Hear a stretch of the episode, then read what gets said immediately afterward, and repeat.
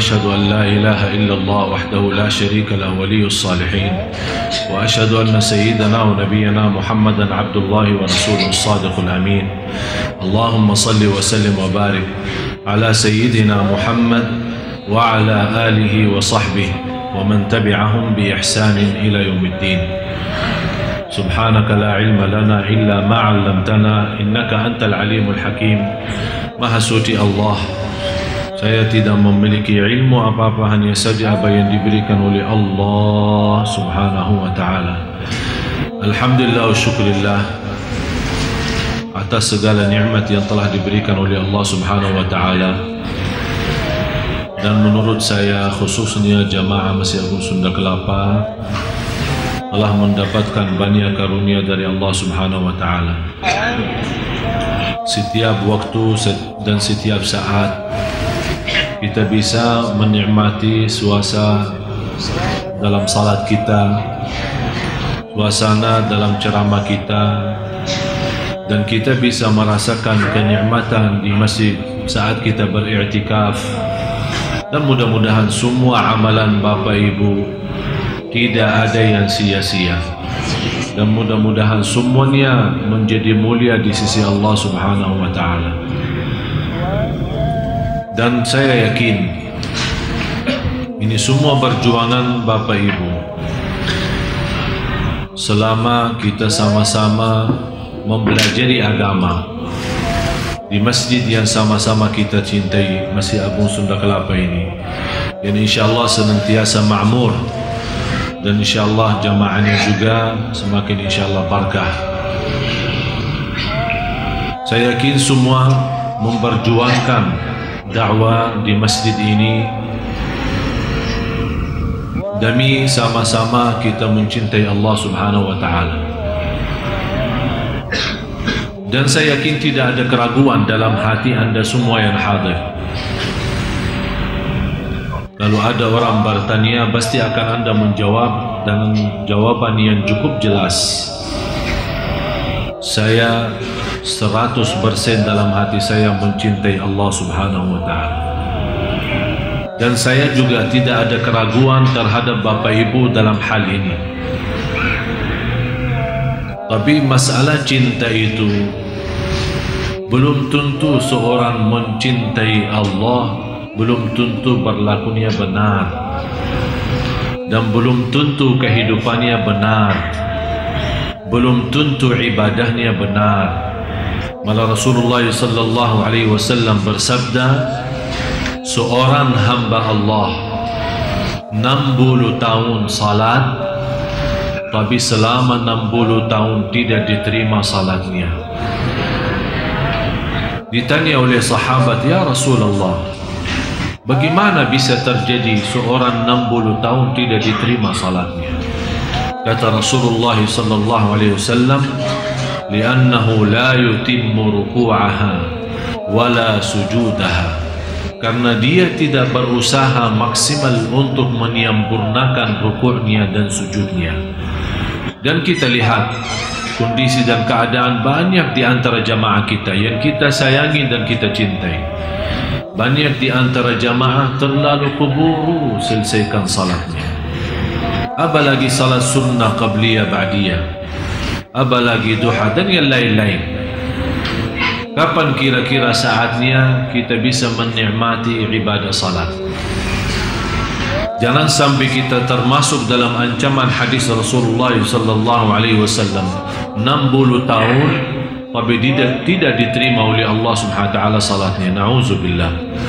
Mudah-mudahan kita semua menjadi orang-orang yang bisa mendekatkan dirinya kepada Allah karena salat yang khusyuk, salat yang sempurna rukuknya dan sujudnya.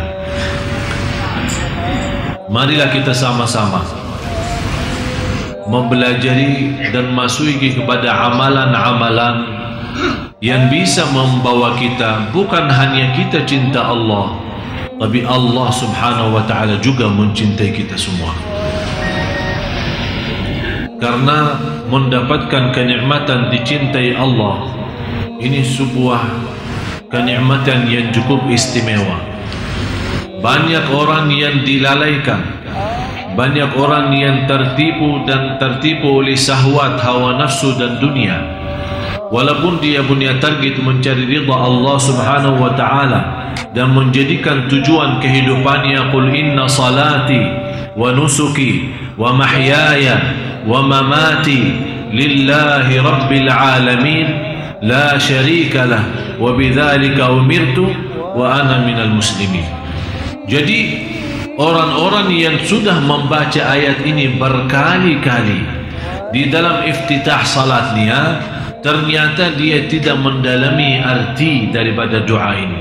Dia tidak merasakan kekuatan doa ini dan tidak menikmati bagaimana bisa terwujud. Benar-benar inna salati wa nusuki wa mahyaya wa mamati lillah. Semata-mata karena Allah.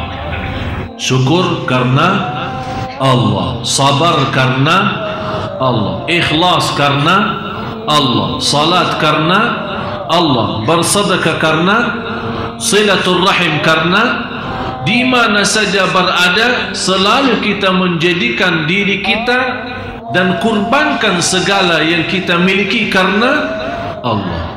Baru akan terbentuk akan Allah balas mencintai kita. Amalan-amalan yang pertama. Orang-orang yang dicintai Allah subhanahu wa ta'ala orang yang senantiasa membaca Al-Quran. Tapi bagaimana prinsip orang baca Al-Quran tapi dicintai Allah? Karena selama ini Bapak Ibu saya yakin anda suka semua suka baca Al-Quran. Malah ada yang saya kenal satu minggu dua minggu kurang lebih khatam Al-Quran kurang daripada satu bulan dia mampu khatam Al-Quran malah ada yang dalam satu bulan khatam dua kali ada malah tiga kali tiga puluh juz dalam satu bulan tapi masalahnya bukan berapa banyak baca, tapi bagaimana membaca. Selama ini kita membaca Al-Quran untuk menghatamkan. Tapi yang saya minta kali ini agak sedikit kita rubah. Bagaimana saya bisa baca Al-Quran tapi saya mendapatkan Allah mencintai saya. Yang pertama, saat kita baca Al-Quran harus anda rasakan Allah bicara sama anda langsung Allah bicara sama kamu Ya ayyuhalladzina amanu Hei orang Yang dimaksud siapa? Saya Rasakan Ittaqullah Berarti Allah mau berbicara sama diri kita sendiri. Itu yang perlu dirasakan saat kita membaca Al-Quran. Dan kita selama membaca Al-Quran, kita merasa kata ulama kalau mau berbicara sama Allah Subhanahu wa taala salat. Tapi kalau Anda mau mendengar Allah berbicara baca Quran Kalau anda mau mendengar Allah yang berbicara baca. Karena ini Al-Quran kalam kalam Allah. Kalam Allah langsung yang Allah sampaikan langsung kalam Allah itu disampaikan kepada malaikat Jibril malaikat Jibril kepada Nabi Muhammad SAW Nabi Muhammad kepada sahabatnya dan seterusnya sampai kepada kita. Jadi yang ingin berbicara sama Allah salat. Hadap Allah bicara. Silahkan. Tapi yang ingin mendengar Allah yang berbicara baca Al-Quran. Jadi saat anda baca Al-Quran بسم الله الرحمن الرحيم Anda rasakan mendengar kalam Allah. Jadi jangan Anda hanya membaca. Ada seorang membaca hanya lewat mata.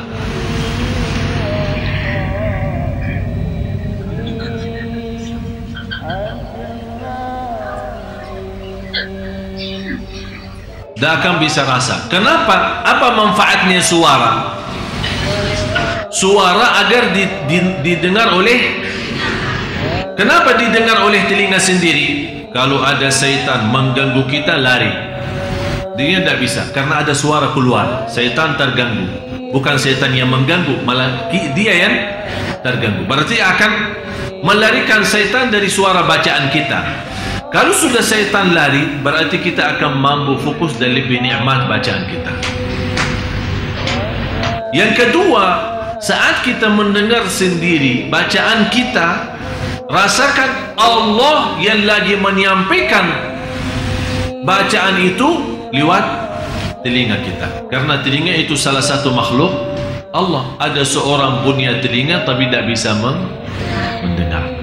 Ada orang punya mata tapi tidak bisa melihat. Jadi masalahnya bukan wujudnya mata atau wujudnya telinga tapi masalahnya apakah dia berfungsi atau tidak? Bisa menjadi berguna atau tidak? Bagaimana kita bisa mengaktifkan segala tubuh badan kita saat membaca? Begitu caranya. Yang pertama anda baca karena Allah lagi berbicara. Yang kedua anda membaca Al-Quran. Semua berbicara itu yang dimaksud adalah diri kita yang ketiga itu yang terindah dalam bacaan Al-Quran setiap kita baca ada rasa saya tidak mau berhenti. Karena saya lagi nikmati dan merindukan mendengar kalam Allah. Mendengar bicaraan Allah sama saya. Jadi begitu anda baca jangan anda punya bayangan dan fikiran kapan mau selesai Malah justru yang anda harus rasakan Saya tidak mau selesai. Saya mau terus lazat. Saya mau nikmat. Karena Allah lagi bicara sama saya. Sudah faham tiga poin ini? Itu namanya Membaca Al-Quran dengan tiga hal ini Baru akan Allah mencintai kita. Yang kedua selalu mengingat Allah Subhanahu wa taala. Maksudnya mengingat Allah bagaimana? Zikir kan? Tapi zikir yang macam mana? Dia seperti apa? Saya yakin anda semua suka tahlil, suka bertasbih. Tapi seindah zikir yang tidak ada batasnya seindah zikir tidak punya tempat tertentu.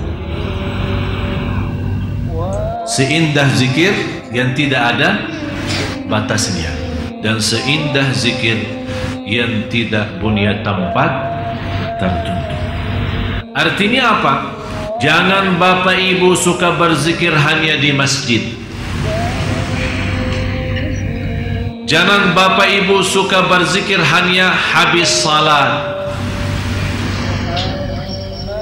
Jangan anda berzikir hanya dengan jumlah tertentu tidak boleh lebih. Malah justru bebas. Tak usah batasi. Ya ayyuhalladzina amanu Uzkurullaha Zikran apa artinya kathira? Sebanyak-banyaknya. Kenapa kita di, disuruh berbanyak zikir? Supaya terkeluar, mengeluarkan, mengeluarkan diri dari golongan orang munafik. Ternyata orang munafik juga berzikir. Yukhadi'una Allah wa huwa khadi'uhum. وإذا قاموا إلى الصلاة قاموا كسالى يراءون الناس ولا يذكرون الله إلا قليلا mereka kalau diajak salat malas terpaksa karena malu sama kawannya masuk masjid bukan karena Allah tapi malu yuraunan nas ria Sifat yang ketiga, wala yadhkuruna Allah illa ternyata mereka juga berzikir. Wala yadhkuruna kata Allah mereka tidak berzikir kecuali sedikit. Berarti mereka berzikir supaya kita selamat dari sifat orang munafik berarti harus kita lawan mereka. Harus kita berbeda dengan mereka. Kalau mereka memang zikir tapi sedikit, saya mau berzikir tapi banyak. Coba bayangkan, saya pernah memberikan cara zikir, tapi selama satu hari tidak boleh bicara dunia. Ingat kan? Tidak boleh bicara dunia. Subhanallah walhamdulillah wa la ilaha illallah wallahu akbar. Assalamualaikum warahmatullahi. Subhanallah walhamdulillah wa Mau ke mana? Mau ke masjid. Subhanallah walhamdulillah wa Sudah makan belum? Belum. Subhanallah walhamdulillah. Jadi biasakan diri seperti itu. Tidak usah orang mendengar suara zikir kita, tapi kita mengaktifkan semua tubuh badan kita menjadi membawa cahaya zikrullah. Luar biasa indahnya zikir. Eh Bapak Ibu, Zikir itu termasuk salah satu amalan sederhana Pahalanya di sisi Allah jauh lebih besar daripada haji. Jauh lebih besar daripada salat sendiri. Karena inti daripada wujudnya salat Inti daripada wujudnya ibadah semua Inna salata tanha anil fahsyai wal munkar Wala zikrullahi akbar Zikir itu jauh lebih besar. Tafsiran ulama, zikir itu jauh lebih besar. Maksudnya zikir itu jauh lebih besar daripada salat sendiri. Ada yang mentafsirkan zikr wala zikrullahi akbar adalah zikir di dalam salat itu jauh lebih tinggi daripada salat sendiri. Karena memang kalau kita lihat salat kita memang semuanya mulai takbir sampai salam semuanya zikir. Baca Quran zikir, Allahu Akbar zikir. Doa zikir. Ruku' dalamnya zikir. Sujud dalamnya zikir. Berarti semuanya tidak terlepas dari zikir. Orang yang berangkat haji buat apa?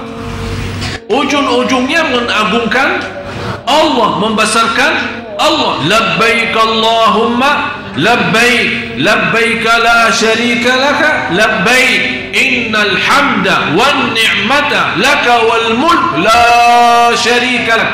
Ini semua bunyinya apa zikir? Berarti ternyata zikir itu mengatasi semua ibadah. Malah pahalanya jauh lebih besar daripada jihad fi sabilillah. Sampai Rasulullah SAW menjelaskan di hadis yang sahih ala unabbiukum bi afdali a'malikum وأزكاها عند مليككم وخير لكم من إنفاق الذهب والورق وخير من أن تخرجوا للجهاد في للقاء عدوكم فيضرب أعناقكم وتضرب أعناقهم. يا الله sekali hadis ini Apakah kalian mau tahu saya memberikan amalan kepada kalian. Rasul ini berbicara sama sahabat. Saya akan memberikan amalan jauh lebih mulia di sisi Allah. Jauh lebih baik daripada amalan yang lain. Jauh lebih besar pahalanya daripada mensedekahkan emas dan perak dan mensedekahkan segala harta. Jauh lebih besar daripada menghadapi musuh saat perang. Mereka membunuh kita atau kita membunuh mereka kaget sahabat ini jihad. Jihad lawan musuh. Apa saja amalan yang jauh lebih tinggi daripada itu semua? Rasul menjawab singkat saja. Zikrullah. Zikir kepada Allah. Fadhkuruni. Tanda-tanda kita mencintai Allah. Banyak sebut Allah Kalau kita berbanyak sebut Allah Berarti kita akan termasuk orang yang akan Allah sebutkan nama kita. Fadhkuruni. Kalau kita menunggu Allah juga zikir kepada kita. Bagaimana Allah zikir kepada kita? Kan fadhkuruni zikir kepada Allah. Azkurkum zikir Allah kepada kita. Apa zikir Allah kepada kita? Akan Allah selalu ingat kepada kita apa pun kebutuhan kita, apa keperluan kita, apa keinginan kita, apa pun hajat kita, akan Allah selalu ingat dan mengkabulkan doa kita. Bisa Bapak Ibu? Hah? Bisa insya Jangan insya Allah bisa Bisa insya Azam nawaitu sungguh-sungguh Hari ini libur Coba Habis pulang dari sini Isi zikir. Dan coba subhanallah Saya kasih satu rahasia zikir. Sebelum kita lanjut yang ketiga. Saat anda wudu Usahakan wudu Sebelum salat Kira-kira 10 atau 15 menit Habis anda wudu, kan ada tahiyatul masjid atau kita di rumah sunnatul wudu kan? Sambil menunggu azan nih, ada 10 menit atau 15 menit. HP-nya jauhkan. Ini sekarang kita punya masalah. Datang ke masjid bawa HP. I'tikaf bawa HP. Imam bilang stau i'tadilu masih bawa HP. Padahal imamnya sebelum Allahu Akbar Bapak Ibu yang membawa HP mohon non aktifkan kalau tidak keberatan Allah. Astagfirullahaladzim Imamnya aja belum selesai Allahu Akbar sudah bunyi. Seolah-olah kita Baru imam sudah sampai. Saya perhatiin kalau imam bilang Istawu dulu agak cepat. Istawu dulu uruskan saf. Tapi begitu dia sebut soal HP dia membawa bahasa yang halus. Bapak Ibu yang membawa HP mohon non aktif kan tapi kan tahu tahu tahu teruskan. Jadi cepat kalau tahu dulu. Begitu dia sebut kata HP dia supaya kenapa? Kita mendengar. Apakah kita mau perlu menjadikan seorang imam seperti Umar bin Khattab? Bagaimana Umar Khattab kalau dia jadi imam? Tahu kan tahu luruskan saf. Beliau khalifah dan beliau juga imami salawat. Salat lima waktu. Tahu luruskan saf. Sebelum dia takbir dia punya tungkat. Tungkat punya kepala besar. Dia putar dalam saf-saf jamaah. Kalau safnya belum lurus dia bila tidak tidak mau lagi luruskan. Karena dia sudah tadi bilang luruskan dia sekarang beriksa. Mutar. Tang langsung di kepala. Ya Allah ah. habis itu yang sudah cukup lalai begitu kata Amir Mu'minin istau i'tadilu ah. dia sudah rasa sakitnya duluan padahal Amir Mu'minin belum belum belum beriksa safnya hanya istau i'tadilu dia sudah megang kepala duluan berarti sudah tahu Apakah kira-kira perlu begini ya? Hah? Nanti saya minta sama pengurus satu tongkat di sini supaya setiap ini mutar-mutar lah sebelum kita takbir. Jadi jamaah sekalian, inilah namanya begitu anda wudu sebelum azan 10 menit atau 15 menit tinggalin semua dunia HP semua semua tinggalin terus isi zikrullah subhanallah kalau kita bisa seperti ini saya yakin salat kita jauh akan lebih baik. Karena kenapa zikir sebelum salat itu? Karena dia memberikan persiapan batin, bersih, bersih semua. HP jauh semua bersih. Jadi fikiran zikir. Yang dimegang tangannya boleh tasbih atau pakai jari sendiri. Terus zikir. Begitu sudah masuk Allahu Akbar, ikuti dengan suara azan dan habis azan angkat tangan berdoa. Subhanallah indah. Belum ikamat, belum kita selesai sunnah qabliyah kita sudah siap batin dan cahaya zikir begitu masuk salat waktu wajib kita ternyata nikmat salat. Tolong amalan ini yang saya baru saja sampaikan pertama kali saya sampaikan cara ini saya mohon dipraktis dan diamalkan. Anda sendiri akan merasa oh ternyata betul. Yang ketiga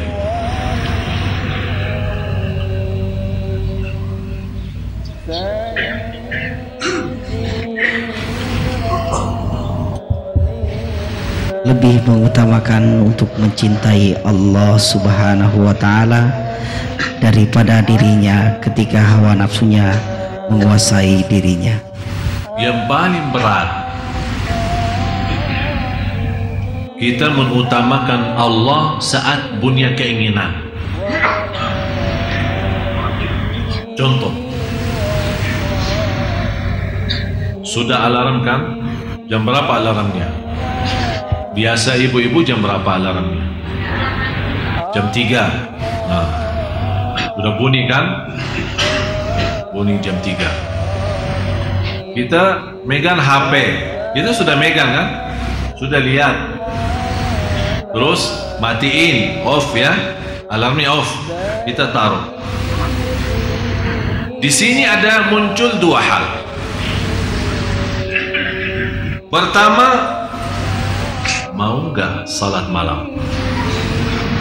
Yang kedua, tidur aja.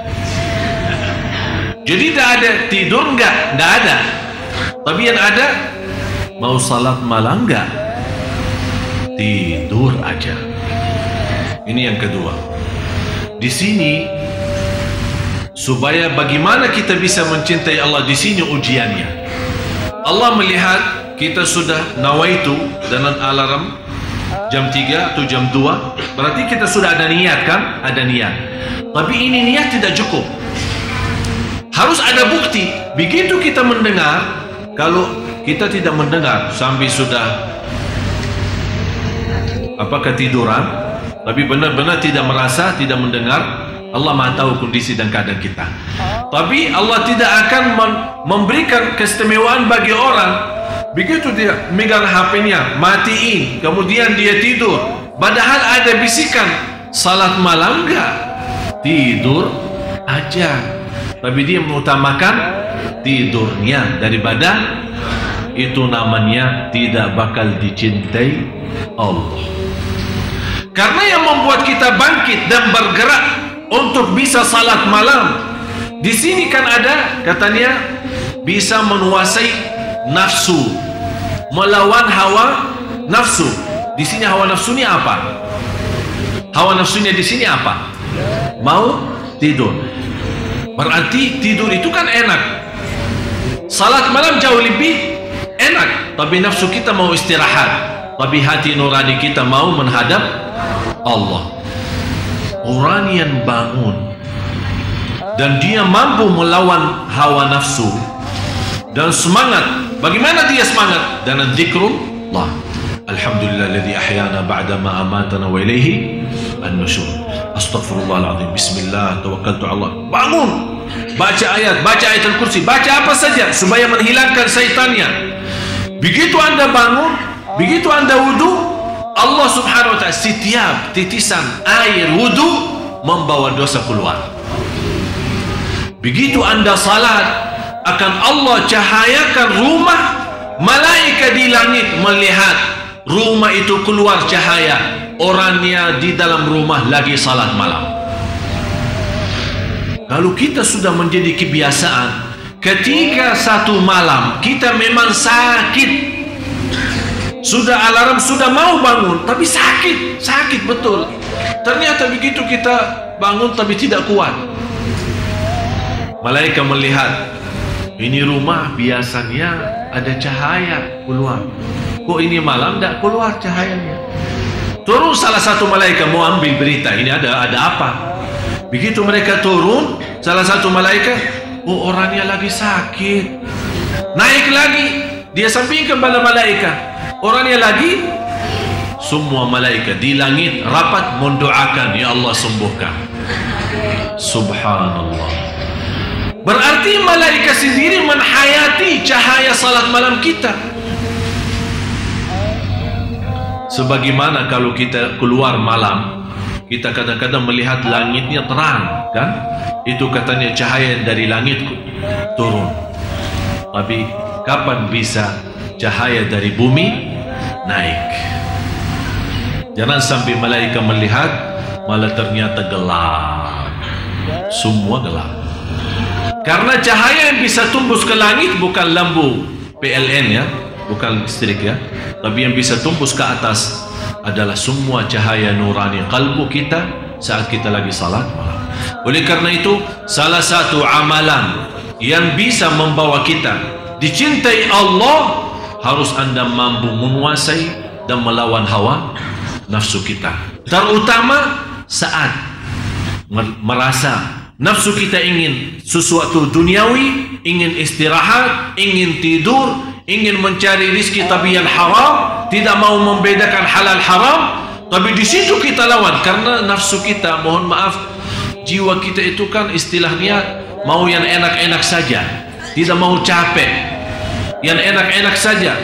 Tapi begitu kita lawan, bukan yang enak diri saya, tapi yang enak Allah. Apa yang dienak Allah, apa yang disenang oleh Allah, apa yang diridai oleh Allah. Di situ kita selalu menanamkan dalam jiwa kita adalah kekuasaan hanya di tangan Allah. Jangan sampai memberikan nafsu kita yang memiliki kekuasaan. Di situ kita lama-lama akan memiliki hati yang sudah rusak.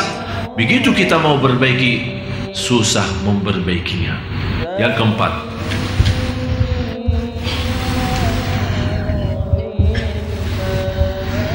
memahami dan mendalami dengan hati tentang nama dan sifat-sifat Allah. Allahu Akbar. Rata-rata jemaah kita sudah hafal Asmaul Husna. Hafal enggak? Hafal. Bisa rasakan artinya enggak?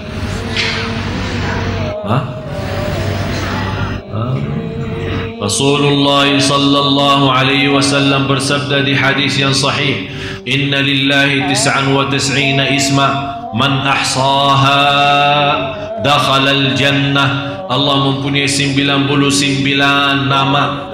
Barang siapa yang menuasinya, yang menghafalnya, yang menamalkan isinya, yang mempelajarinya, yang mendalaminya, itu kata ahsaha. Jadi termasuk di dalamnya menghafal menamalkan, memahami, menhayati, merasakan, menikmati, merasa lazat saat sebut nama-nama Allah yang namanya Asmaul Husna. Dan bisa lewat Asmaul Husna kita memohon kepada Allah Subhanahu wa taala di situ kita akan baru merasa keagungan Allah dalam hati kita semakin bertambah.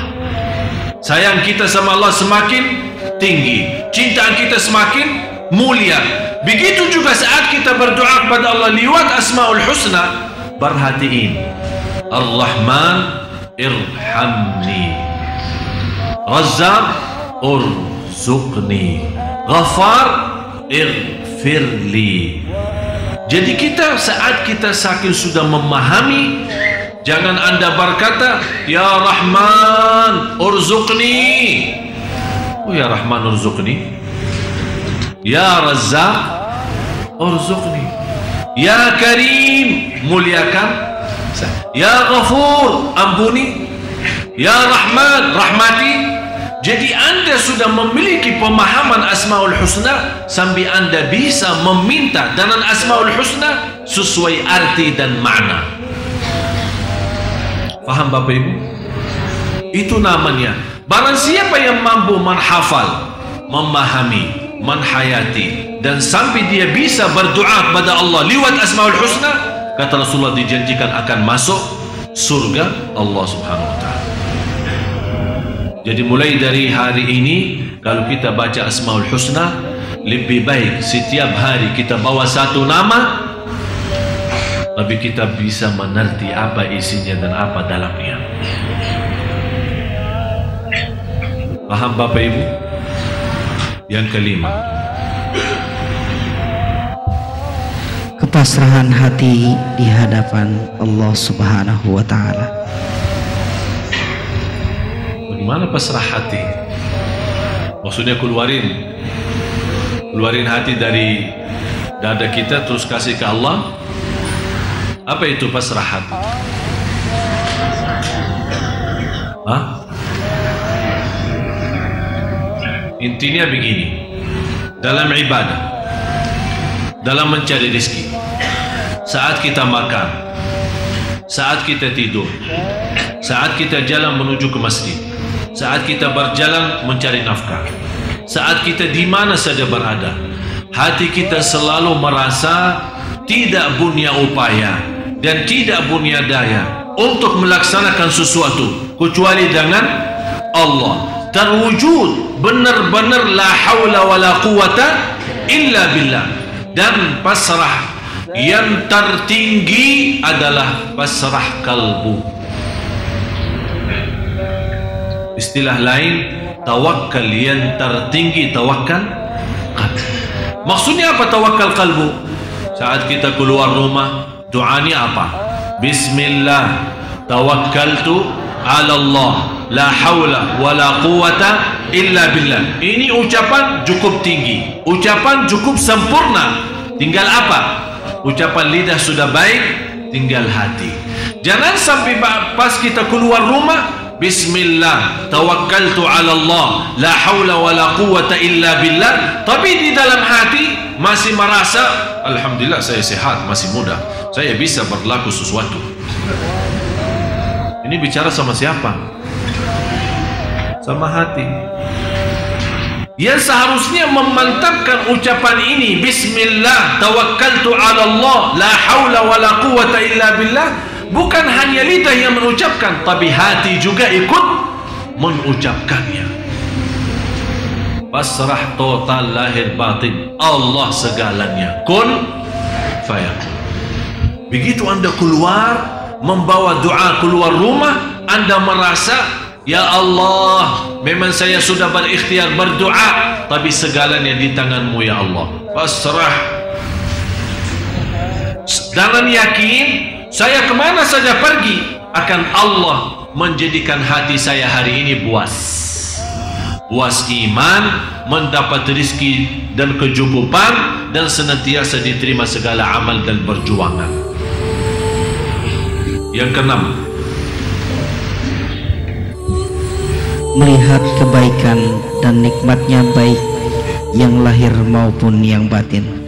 Salah satu yang bisa anda mendapatkan dicintai Allah harus anda selalu mengingat nikmat Allah. Fikirkan nikmat-nikmat Allah kepada kita. Wa amma bi ni'mati rabbika fahaddith yang kita selalu lupa kita sibuk mensyukuri nikmat tapi lupa mensyukuri yang memberikan nikmat. Kita sibuk menikmati nikmat tapi kita lupa mensyukuri yang memberikan nikmat. Kita sibuk untuk menghadapi cobaan tapi